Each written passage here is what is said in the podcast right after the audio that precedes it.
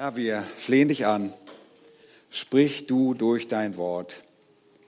Hilf uns im Vertrauen zu dir zu wachsen oder ganz unser Vertrauen auf dich zu setzen, wenn wir es noch nicht getan haben. Rede du, gib du Gnade auch beim Hören. Verherrliche dich durch diesen Text. In Jesu Namen. Amen. Nun, die Geschichte selbst ist in drei sich überschneidende Teile eingeteilt. Und der erste Teil ist über den jüngeren Sohn, der zweite heute ist über den Vater und der dritte Teil ist über den älteren Sohn. Und die Geschichte spitzt sich jetzt in ihrem Verlauf zu und während wir den jüngeren Sohn betrachten, gibt es Überschneidungen natürlich mit dem Vater. Und während wir den Vater betrachten, gibt es Überschneidungen mit dem älteren Sohn. Und so versuchen wir die Teile ein wenig abzugrenzen und die Ereignisse dennoch ungehindert fließen zu lassen. Nun, letztes Mal haben wir uns mit dem ersten Teil beschäftigt, Versen, die Verse 11 bis 16, über den jüngeren Sohn. Und wir haben das in drei Teile aufgeteilt, beginnen mit der schändlichen Forderung, der schamlosen Rebellion des jungen Sohnes und haben uns seinen schändlichen Absturz angesehen. Dieser junge Mann stellt jemanden dar, der so tief gesunken war, wie es überhaupt nur möglich ist. Er führte ein rebellisches Leben und hütet am Ende nicht nur Schweine, sondern er isst mit diesen, man muss ja schon als sagen, frisst mit ihnen und ist selbst ein Schwein. Schlimmer geht es nicht mehr und schließlich ist er verzweifelt und hilflos. Und an diesem Punkt tritt der Vater wieder auf. Zunächst in den Gedanken dieses jungen Mannes und wir gehen damit von dem schändlichen Absturz zu der beschämenden Buße des Sohnes über. Verzweifelt hungrig, im Loch bei den Schweinen kommt er zur Vernunft.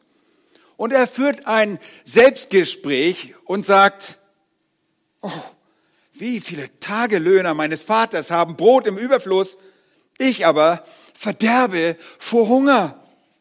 Und an dieser Stelle beginnt wahre Buße. Sie beginnt mit einer genauen Einschätzung des eigenen Zustandes. Das ist für jeden Sünder wichtig für verlorene, verschwenderische, ungläubige, rebellische Menschen. Sie müssen zu einer ehrlichen Selbsteinschätzung der eigenen Situation kommen. Und der verlorene Sohn weiß, dass er sich in seiner Situation, in einer Situation befindet, aus der er mit eigenen Mitteln nicht herauskommen kann. Er weiß, dass er vor Hunger stirbt und niemand ihm etwas geben wird. Er ist einfach am Ende. Und so beginnt Buße.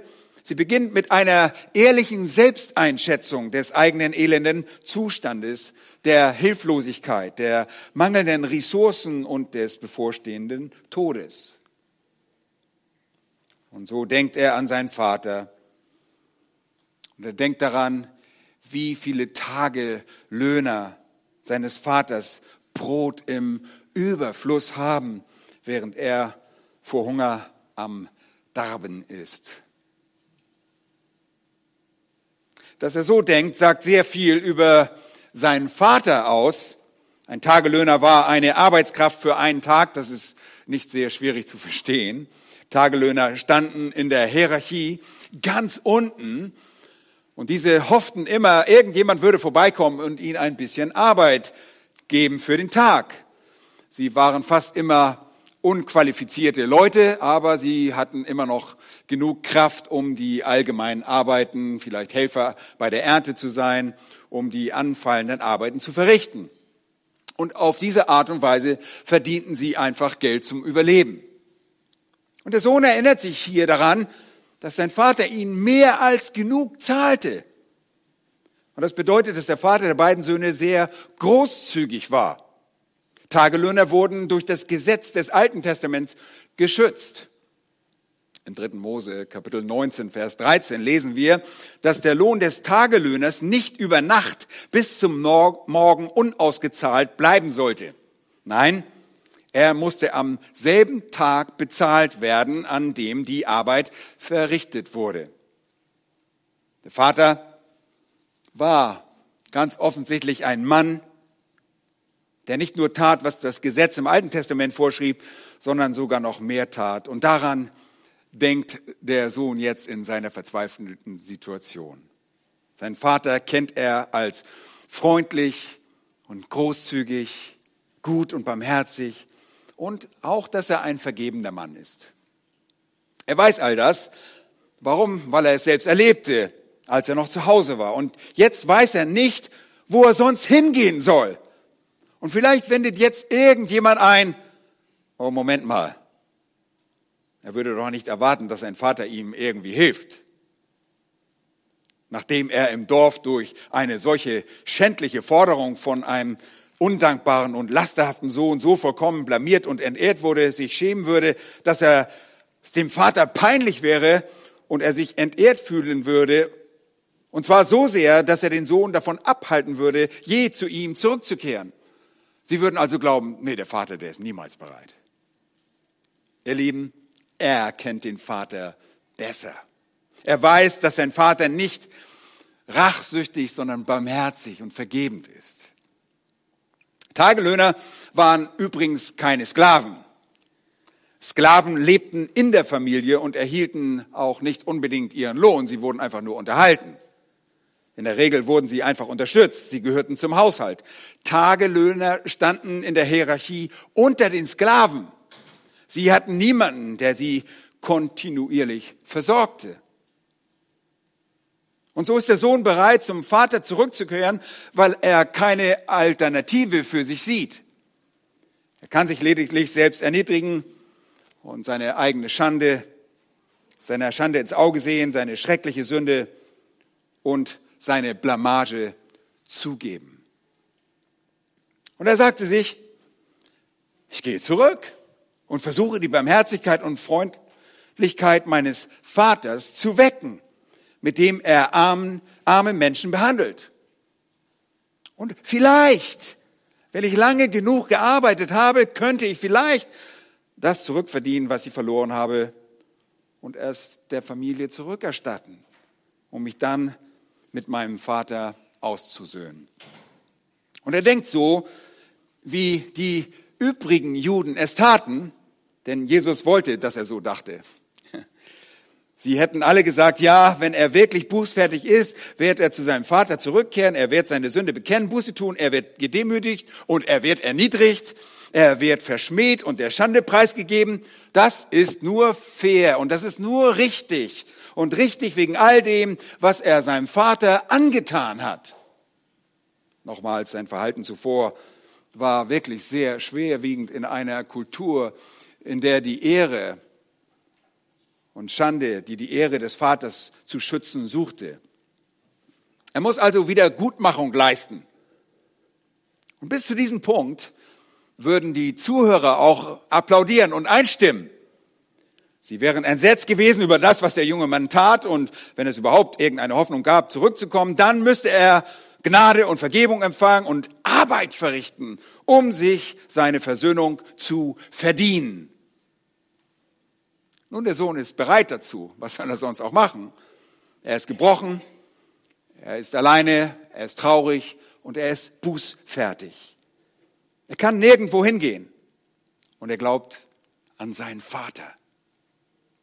Und das ist das Bild eines Menschen, dessen Buße ihn zur Errettung führt, weil wir hier nicht nur Buße sehen, sondern auch den Glauben an seinen Vater.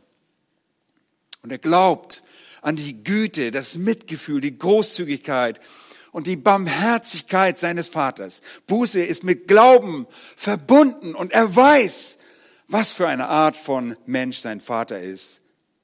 Und trotz der schrecklichen Art und Weise, auf die er seinen Vater Schande und gebracht hat und ihn gelästert hat, weiß er jetzt, dass sein Vater ein versöhnlicher Mann ist. Reumütig vertraut er darauf, er will zurückkehren und Vergebung suchen. Und er will alle erforderliche Werke verrichten, um Wiedergutmachung zu leisten und sich auszusöhnen. Schaut mal Vers 18 und 19. Dort heißt es, ich will mich aufmachen und zu meinem Vater gehen und zu ihm sagen, Vater, ich habe gesündigt gegen den Himmel und vor dir. Und ich bin nicht wert, nicht mehr wert, dein Sohn zu heißen. Und hier ist sein Plan jetzt. Ich mache mich auf oder mache mich zu einem deiner Tagelöhner. Das würde er dem Vater sagen. Jawohl, die Pharisäer und Schriftgelehrten würden sagen, das ist genau, was du tun musst. Gut, mein Junge, das ist der richtige Ansatz. Er kam zur Vernunft und führte dieses kleine Selbstgespräch und begriff, dass er nirgendwo anders hingehen könnte als nach Hause. Und er wird zurückgehen und tun, was er tun muss, indem er zum Tagelöhner seines Vaters wird. Also sich unter die Sklaven stellt. Und er wird einfach nur arbeiten. Und sein logischer Ansatz setzt dann seinen Willen in Bewegung. Und er geht. So funktioniert Buße. Erstens kommt der Sünde zu sich er kommt zur Vernunft und beginnt sich selbst ernsthaft zu betrachten und zu bewerten, wo er steht und worauf er zusteuert, auf den unvermeidlichen Tod und Zerstörung und ewige Verdammnis. Und der Sünder sagt, ich kann nicht mehr in diese Richtung gehen. Ich kann nicht mehr. Ich muss mich dem zuwenden, dem ich vertrauen kann. Ich muss mich dem zuwenden, den ich erehrt habe. Ich muss zurückgehen. Meine Schande und die volle Verantwortung für meine Sünde tragen. Ich muss ihm sagen, dass ich bereit bin zu arbeiten, zu tun, was auch immer ich tun muss, um meinen Weg zurück zu verdienen. Und wirklich, jeder in dieser Kultur hätte das verstanden. Das ist sehr demütigend und sehr, sehr peinlich, sehr beschämend. Aber er sagt, ich werde es tun. Und hört nur einmal zu, wie streng er selbst sich selbst anklagt ich habe gesündigt gegen den Himmel und vor dir. Und gegen den Himmel ist wörtlich, ich habe bis in den Himmel gesündigt. Und es könnte gut sein, dass er damit meinte, dass sich seine Sünden bis in den Himmel aufstapelten. Haben wir nicht manchmal so ein Gefühl? Ja, so ist es bei ihm gewesen. Und das erinnert ein bisschen an Esra Kapitel 9 und Vers 6, wo Esra betet, mein Gott, ich schäme und scheue mich, mein Angesicht aufzuheben zu dir, mein Gott, denn unsere Missetaten sind über unser Haupt gewachsen und unsere Schuld ist so groß, dass sie bis an den Himmel reicht. Er hält nicht zurück. Er ist reumütig und verleugnet sich voll und ganz. Ihr Lieben, das ist wahre Buße.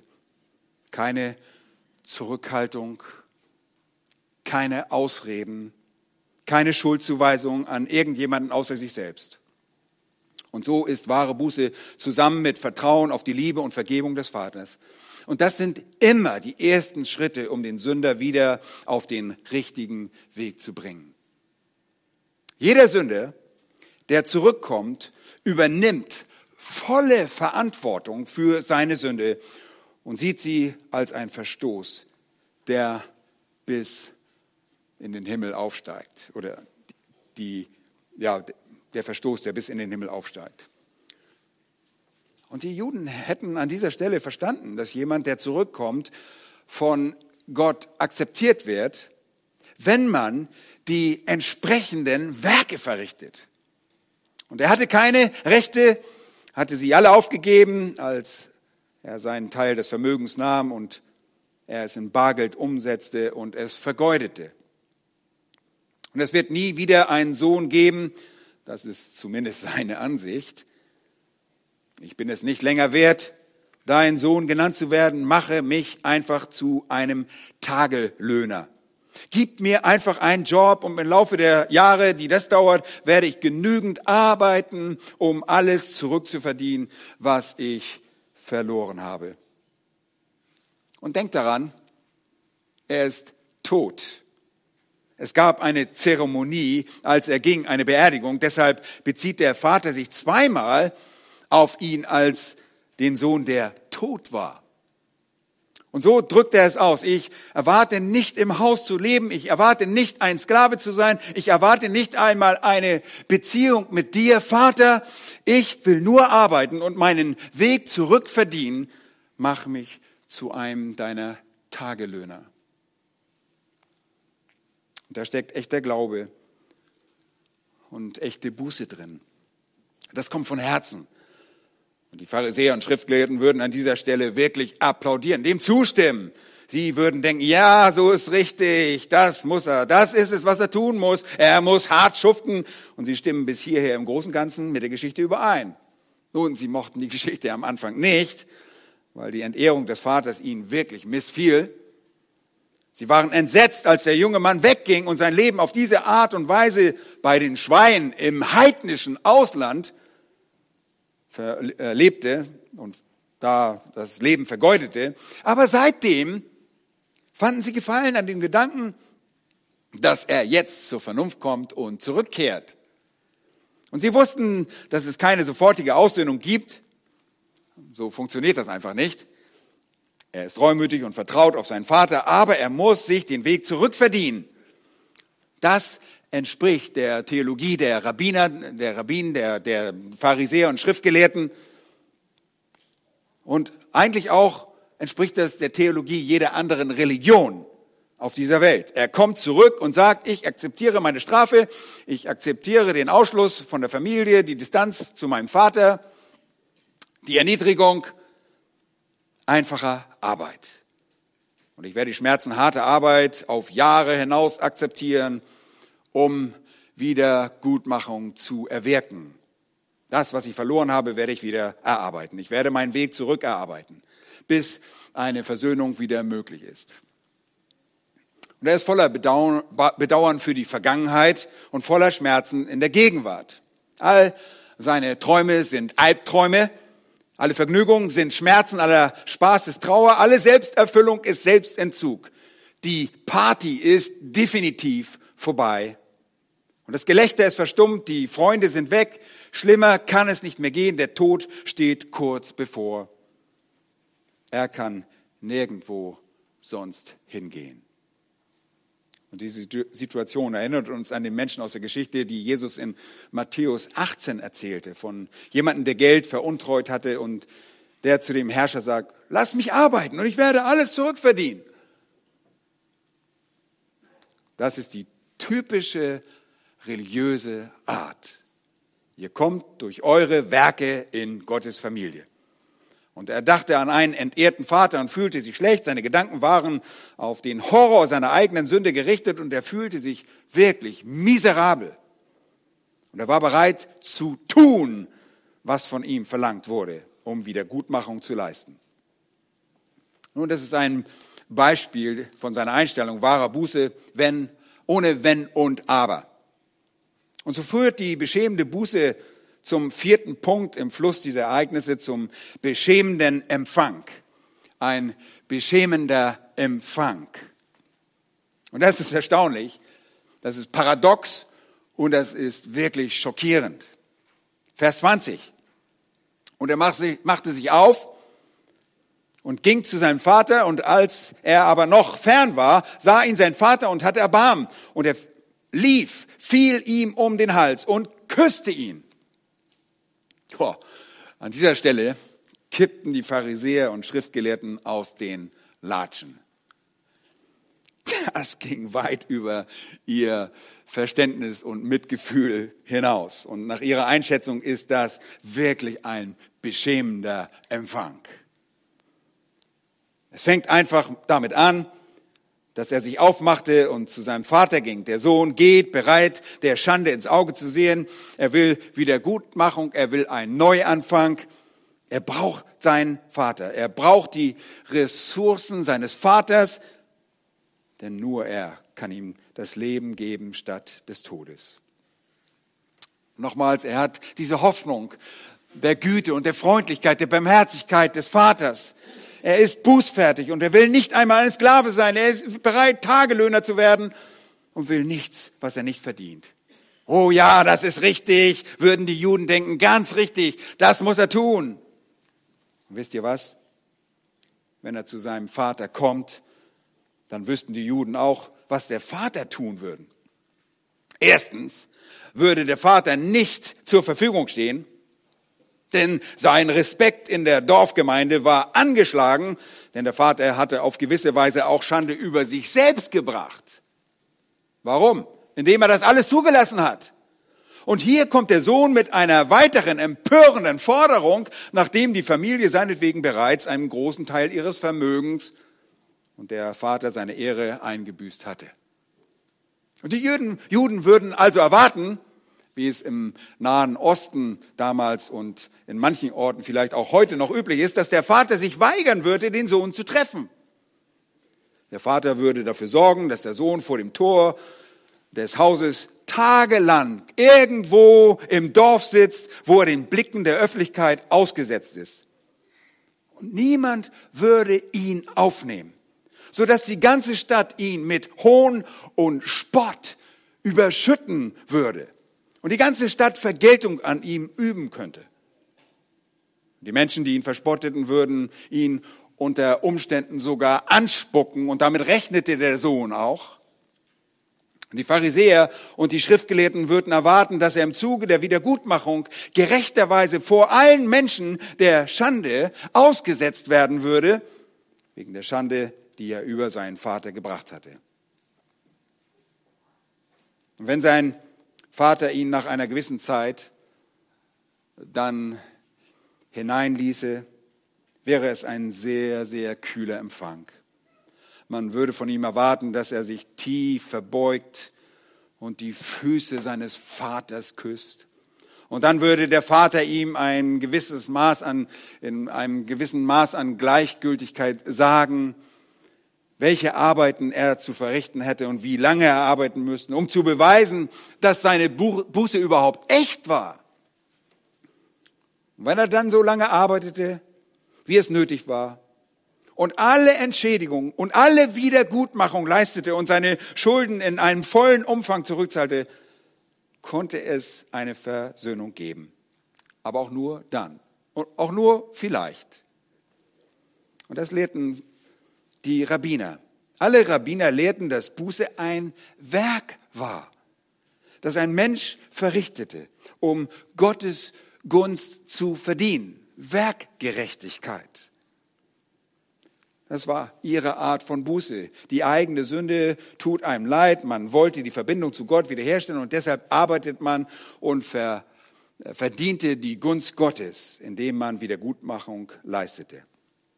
Und jeder im Dorf wusste, dass das so ablief und alle würden ihn selbst, nachdem sie ihn genug mit Hohn und Spott überschüttet hatten, mit einem gewissen Maß an Verachtung einfach nur arbeiten lassen.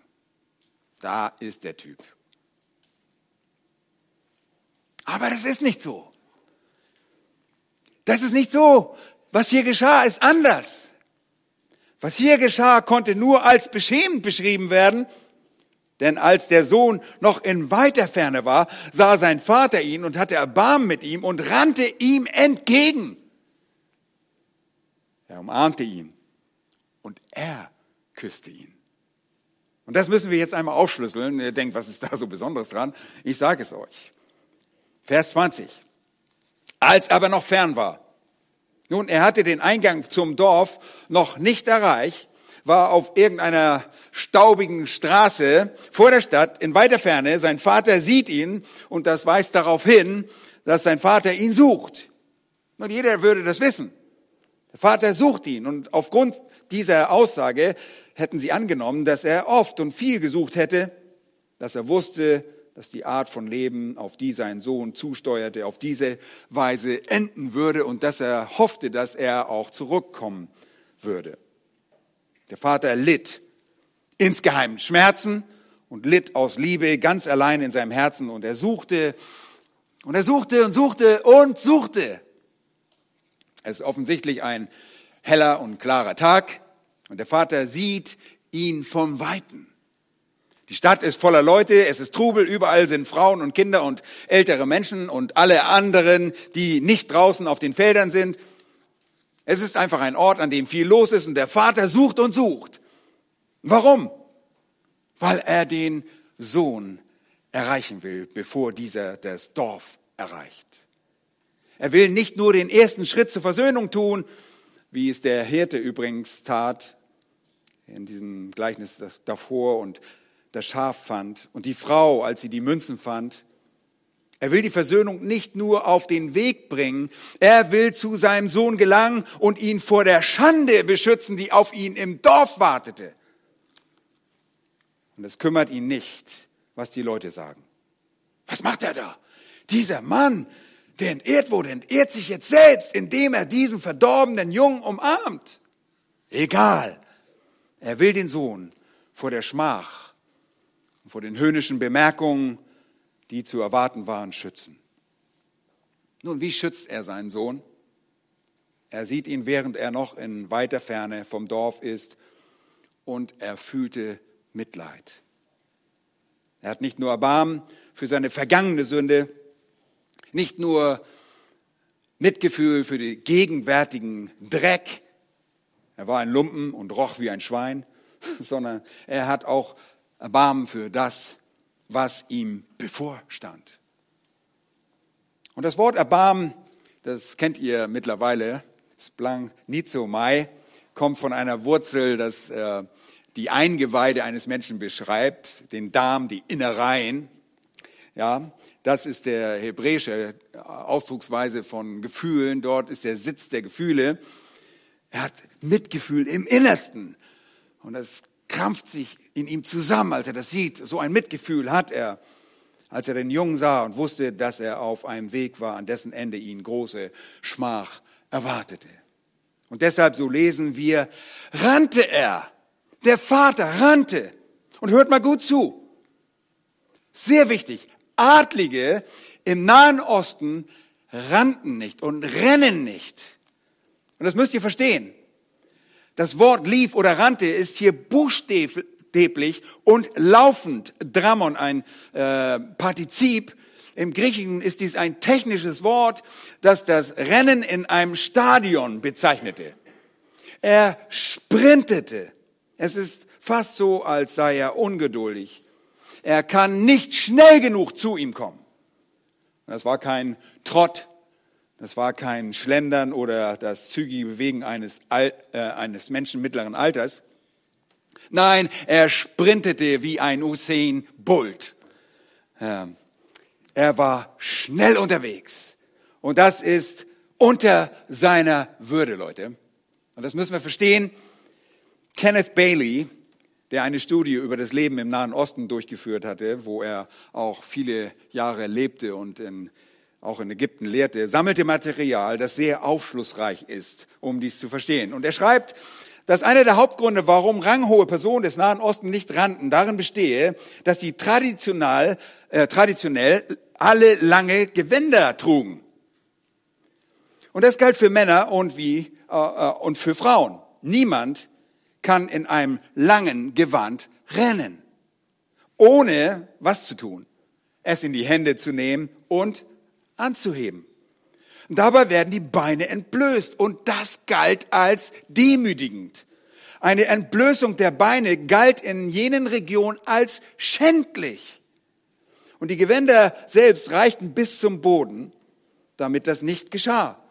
Und eine kuriose Regel für den Sabbat besagt, wenn ein Vogel am Sabbat unter euer Gewand kriecht, dürft ihr ihn nicht äh, anheben, dürft ihr das Gewand nicht anheben.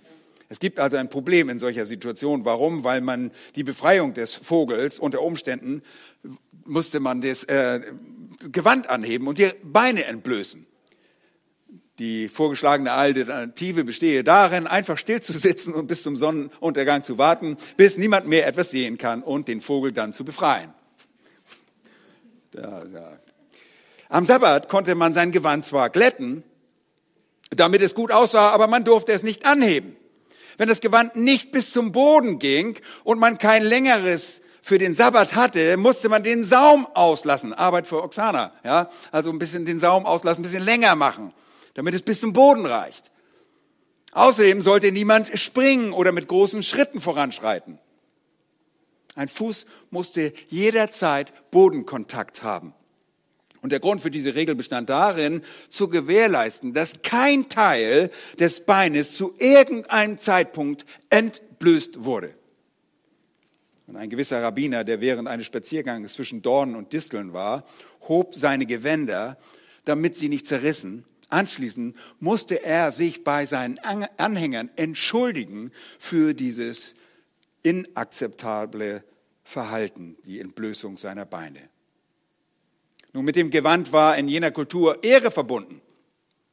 Priester, die Opfer darbrachten, durften ihre langen Gewänder nicht anheben, um sie von dem Blut auf dem Boden fernzuhalten, aus Furcht, ihre Beine könnten entblößt werden.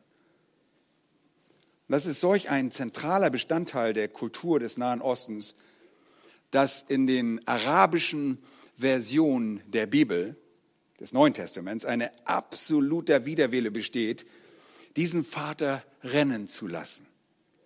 In manchen, Syri in manchen syrischen Versionen, also Übersetzungen, rennt der Vater, aber in den älteren arabischen Übersetzungen heißt es, er sei gegangen, er habe sich präsentiert, er sei geeilt und er beeilte sich. Aber sie konnten einfach nicht niederschreiben, dass er rennt.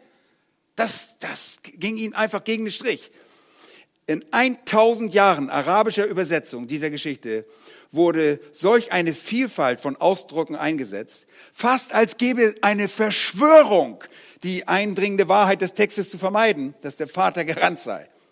Und die Erklärung für all das ist einfach, die Tradition selbst identifizierte den Vater als Gott. Und Rennen in der Öffentlichkeit ist zu erniedrigend, um es einem Menschen zuzuordnen, der Gott symbolisiert. Nun schließlich im Jahre 1860 in der arabischen Bibel von Van Dyck rennt der Vater. Und die Arbeitsblätter der Übersetzer sind jedoch immer noch, verfügbar, sind immer noch verfügbar und die ersten davon zeigen, dass er dort eilte. Da stand er, er eilte und bei dem letzten Arbeitsblatt wandelte es sich dann zu dem er rannte. Warum rennt Gott?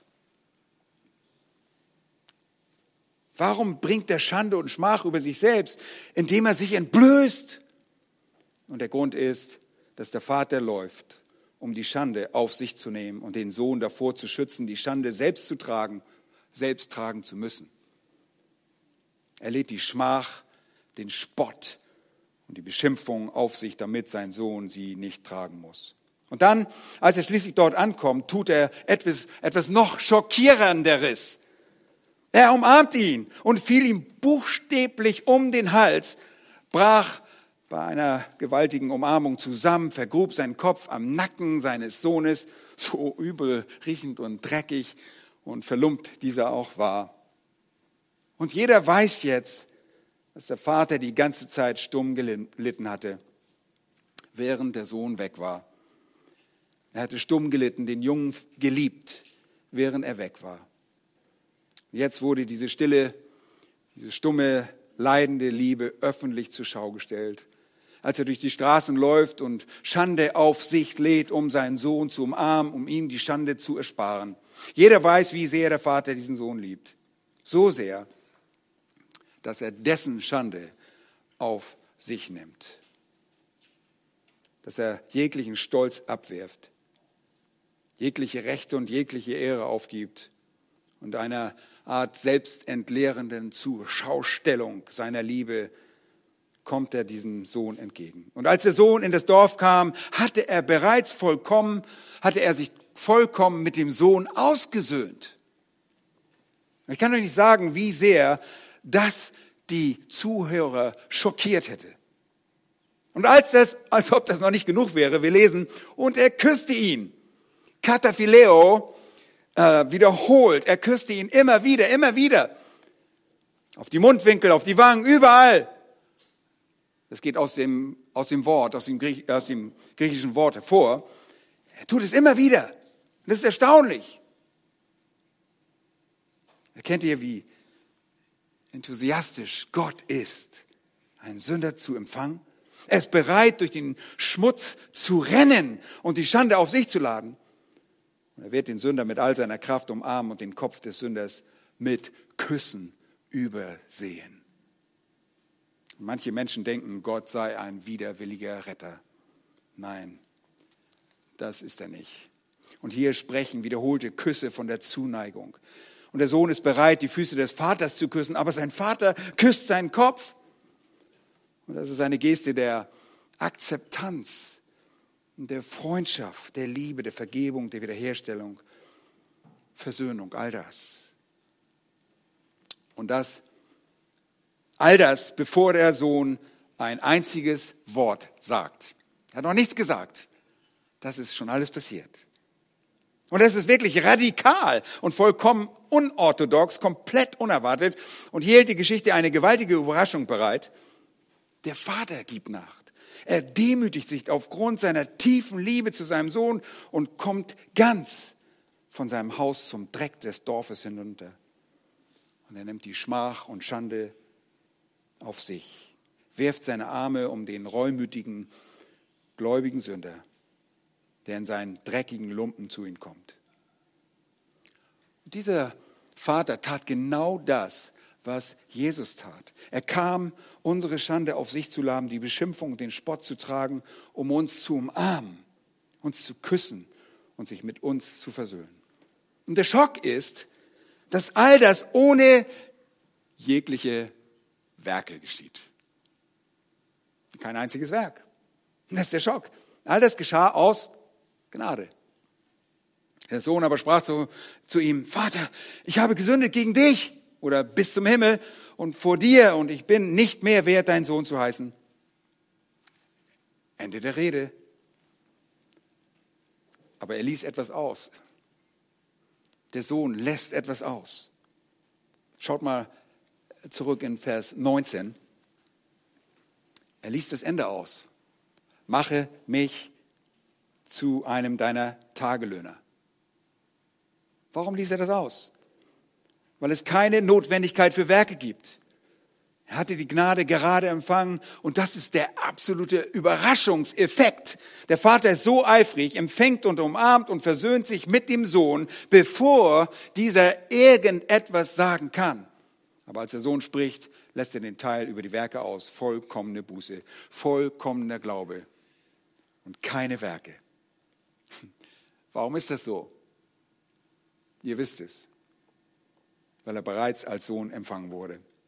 Er hat bereits Vergebung empfangen, er hat bereits die Gnade empfangen, er ist bereits versöhnt.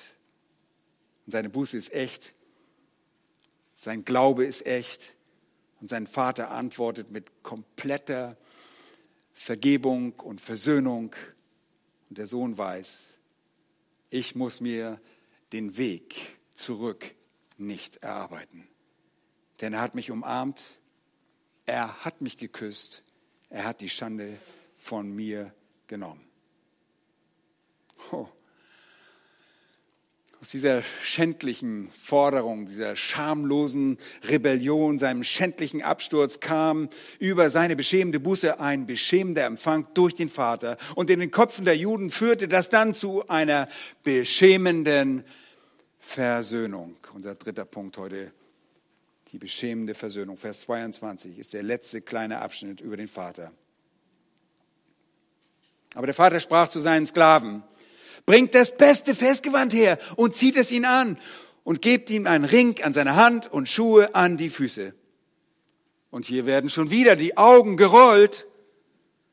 Der Vater ist schamlos er ist schändlicherweise gerannt und nun überhäuft er seinen Sohn, mit dem er sich ausgesöhnt hat, schamlos mit Segnungen. Das würden sie überhaupt nicht verstehen, dass ein Vater seine eigene Ehre nicht besser schützen würde. Und er gibt ihm drei Dinge. Erstens ein Gewand, zweitens ein Ring und drittens Birkenstock, äh, Sandalen. Und sie alle verstanden die Tragweite dieser Gaben hätten aber erwartet, dass der Vater bestenfalls zum Sohn gesagt hätte, na gut, ich möchte dir vergeben. Vielleicht musst du nicht ein Jahr lang dafür arbeiten, aber ich möchte dich für ein oder zwei Jahre wenigstens beobachten, was in deinem Leben wirklich so äh, vor sich geht und ob du wirklich Buße getan hast und ob du wirklich meinst, dass du wieder mit mir versöhnt sein willst. Hm. Aber nichts davon ist hier zu sehen.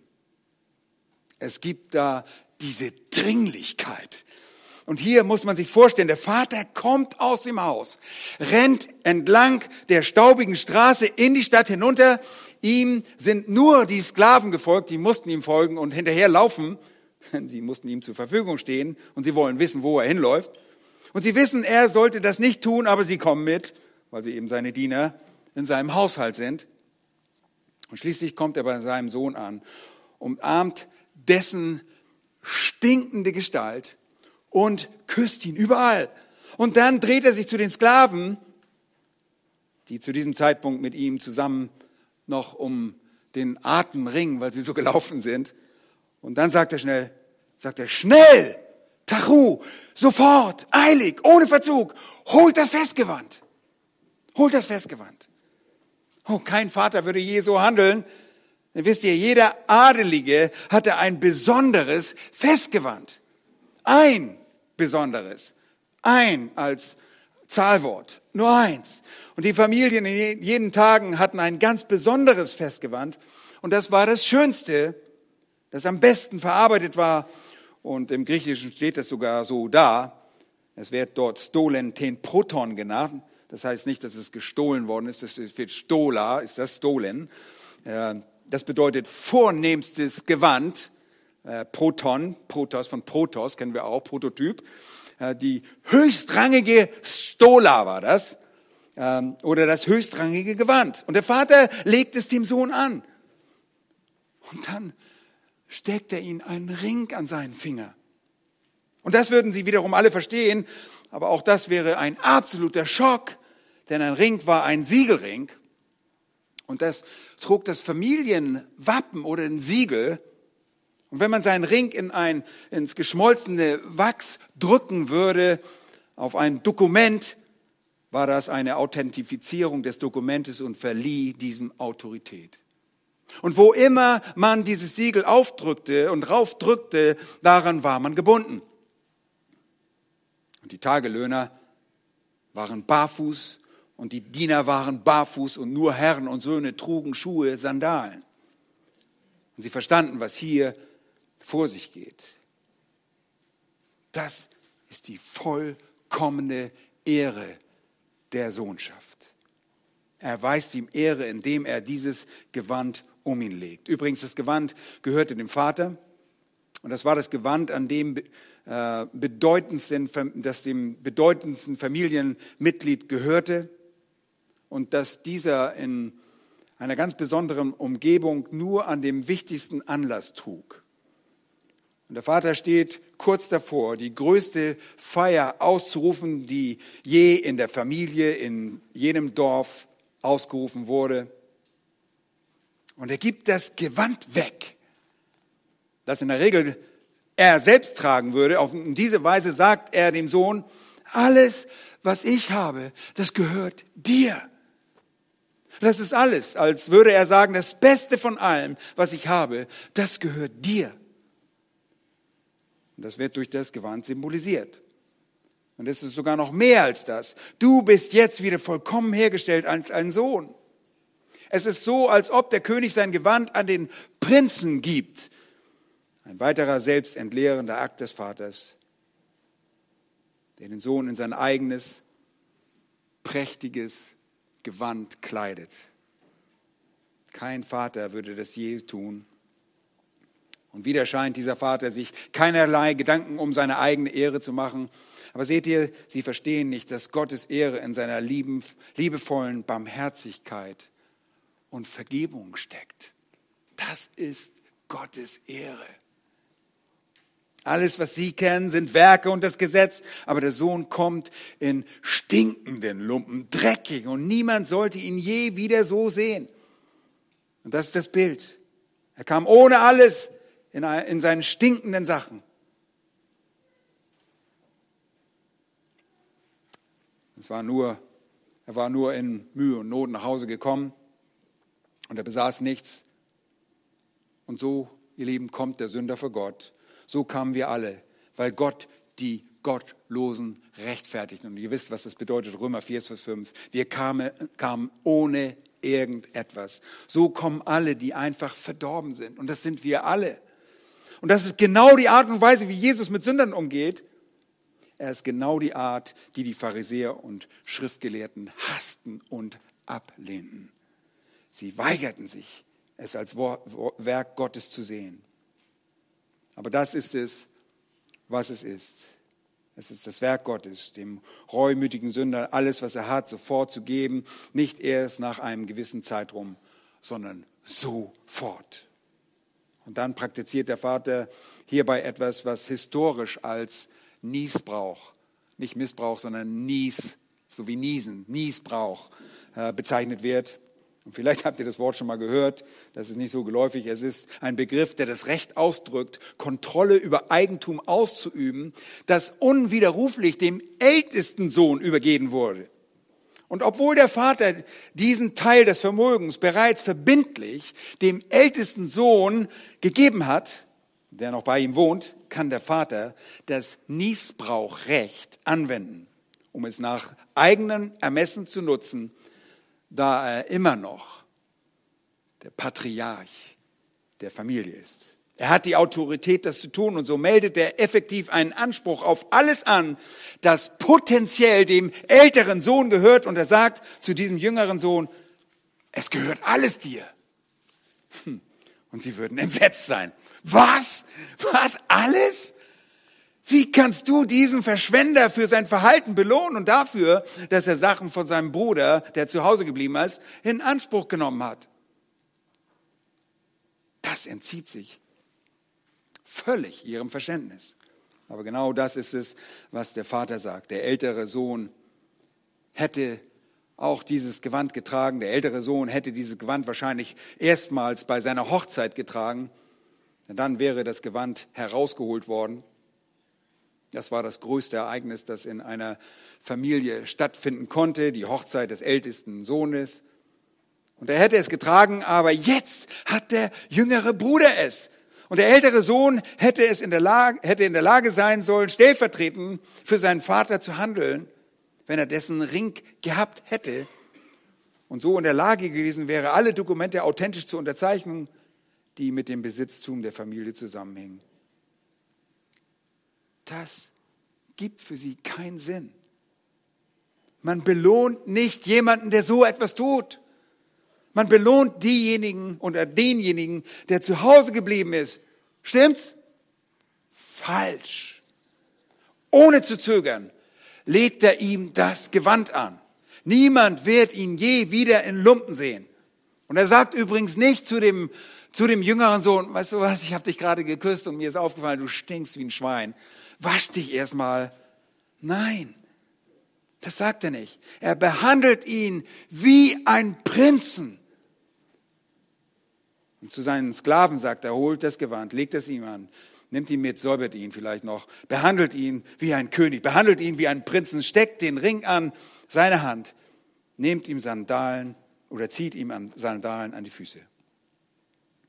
Als sei er königlicher Abstammung. Und das auch, das sprengt natürlich wieder die Vorstellungskraft, aber die Botschaft ist unmissverständlich, vollkommene Ausdrückung, volle Rechte, Privilegien, Autorität, Ehre, Respekt, Verantwortung als Sohn. Und die ganze Menge, die dort zuhörte, wäre einfach nur was? Schockiert. Das ist das komplette Gegenteil dessen, was sie erwartet hatten, denn hier gibt es nicht einmal eine Wartezeit hier gibt es keine Bewährungszeit und auch keine Einschränkung von irgendwelchen Privilegien. Das ist eine uneingeschränkte Sohnschaft auf höchster Ebene und sie kommt prompt. All das hätte auf den ältesten Sohn übergehen sollen. Sandalen an seinen Füßen, ein Zeichen, dass er jetzt der Herr ist, kein Tagelöhner, nicht mal ein Sklave, er ist der Herr. Er hat Autorität, er hat Ehre, er hat Verantwortung, er hat Respekt. Er ist ein Sohn mit allen Rechten, der stellvertretend für seinen Vater handeln kann und das Recht besitzt, auf sämtliche Familienschätzen zuzugreifen. Unglaublich, oder? Nun, wie lautet die Botschaft hier? Gnade und Barmherzigkeit triumphieren über die schlimmste Sünde. Unverdiente Vergebung, unverdiente Sohnschaft unverdiente Errettung, unverdiente Ehre, Respekt, Verantwortung. Ein Sohn mit allen Rechten, ohne Wiedergutmachung, ohne jegliche Werke. Das war einfach nur grotesk in den Augen der Legalisten, der Gesetzlichen. Und das Ende, das ganze Ende, äh, das ganze mündet in schamloser Freude. Vers 23, ganz wie bei den Gleichnissen zuvor. Der Vater hält nicht zurück, er kennt keine Scham und er, er ruft die größte Party aus, die es je gegeben hat. Sorry, Joe Biden, diese Party ist größer. Bringt das gemästete Kalb her und schlachtet es und lasst uns essen und fröhlich sein. Denn dieser mein Sohn war tot und ist wieder lebendig geworden. Er war verloren und ist wieder gefunden worden. Und sie fingen an, fröhlich zu sein. Jede Familie, die Tiere hatte, hätte, wenn es sich um eine wohlbetuchte Familie handelte, ein besonderes Kalb gehabt, das sie mästeten.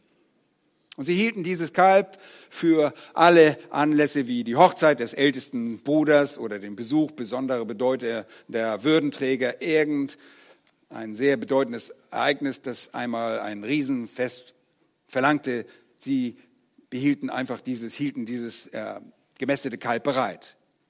Und das war jetzt gekommen. Das ist das Größte, was aus Sicht des Vaters in, je in der Geschichte der Familie oder im Dorf geschehen ist. Das ist es. Wir haben das Bild des Himmels.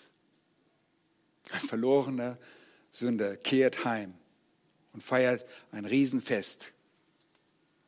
Er feiert ein Fest für ihn. Aber bringt das gemästete Kalb und schlachtet es, heißt es dort. Und die Schlachtung wurde vorgenommen, um das Festessen später an diesem Abend vorzubereiten. Und das Tier war lange vorher ausgewählt worden, gefüttert, gepflegt und richtig fett. Ja, Fett schmeckt gut, sage ich immer. Und äh, Fleisch wurde übrigens zu Jesu Zeiten sehr selten gegessen. Ähm, das ist nicht so, dass man da jeden Tag Fleisch gegessen hätte.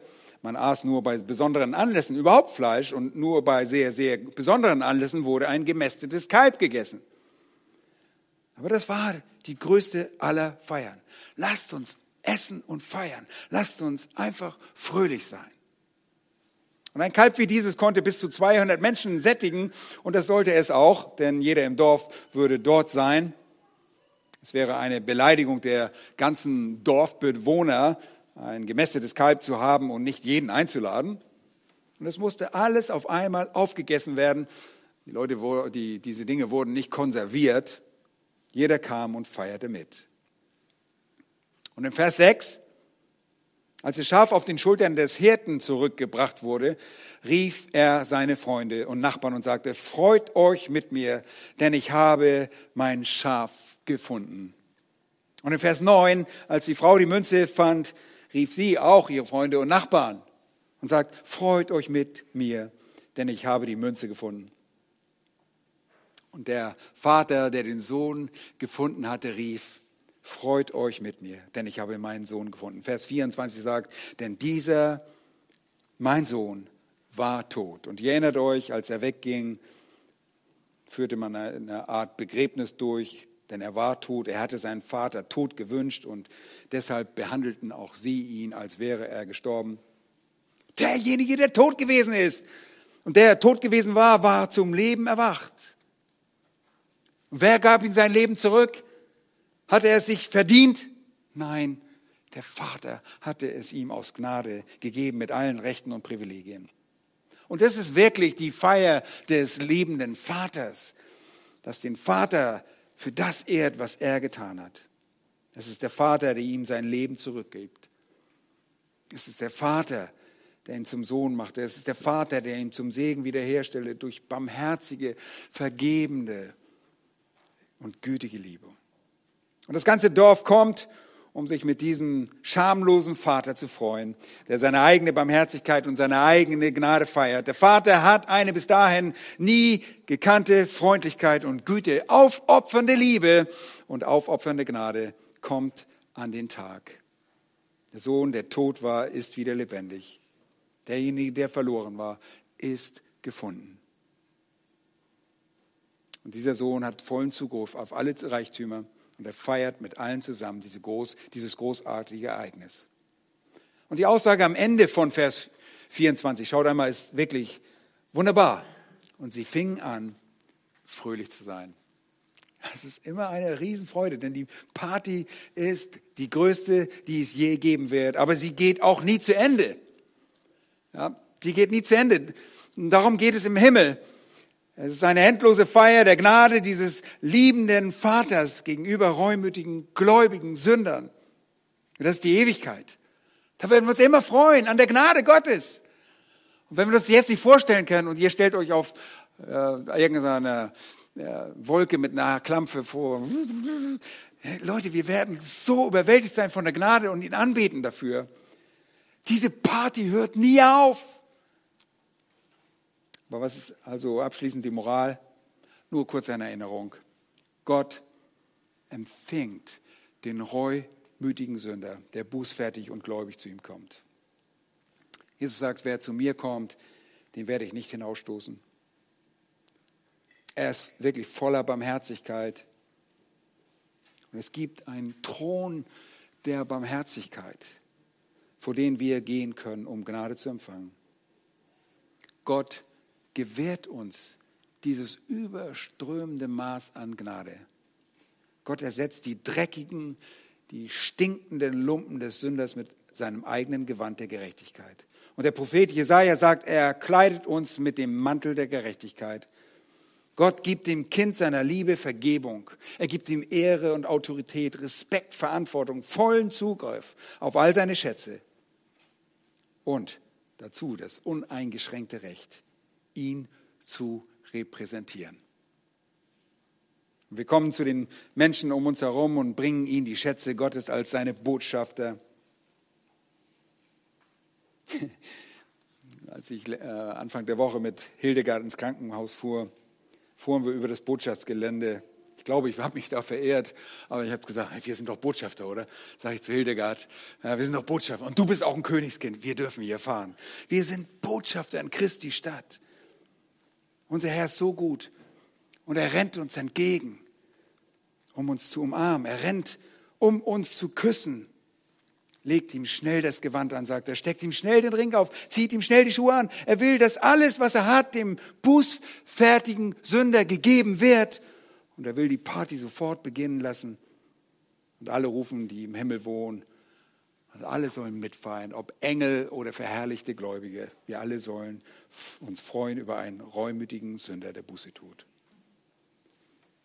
Diese Party hört nicht auf, weil es eine Party zu Ehren Gottes ist, nicht zu Ehren des Sünders. Nun, welchen Beitrag leistest du zu dieser Party?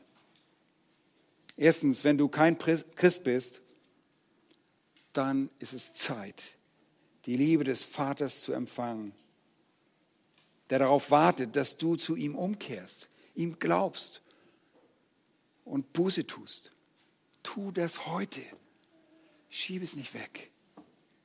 Zweitens, wenn du ein Christ bist, dann ziele bewusst auf die Freude Gottes ab, indem du alles tust, sein herrliches Evangelium der Vergebung zu den Menschen zu bringen, die dir begegnen. Nun, manche Menschen verstehen das nie, weil sie nur religiöse Menschen sind, wie die Pharisäer, die die Vorstellung hassten, dass der Vater einen Sünder so behandeln würde. Wir werden uns die Reaktion dieser Sünder, dieser Pharisäer beim nächsten Mal genau ansehen. Lass uns zusammen beten. Herr, du hast es uns so eindrücklich in diesem Gleichnis gezeigt, wer du bist und wie du denkst, was dich freut und wie du gerne begnadigst, wie du gerne Vergebung schenkst, wie du uns als Sündern entgegenkommst, wie du uns vor der Schande schützen möchtest, dass du selbst die Schande auf dich genommen hast, die Schande des Kreuzes, Herr Jesus Christus, die du auf dich genommen hast. Du hast am Kreuz gehangen. Man hat dich verspottet und verhöhnt. Um unseren Herr, diese Schande haben wir verdient. Und dennoch hat dein Vater dich so behandelt, als wärst du der größte Sünder, als hättest du unser Leben geführt.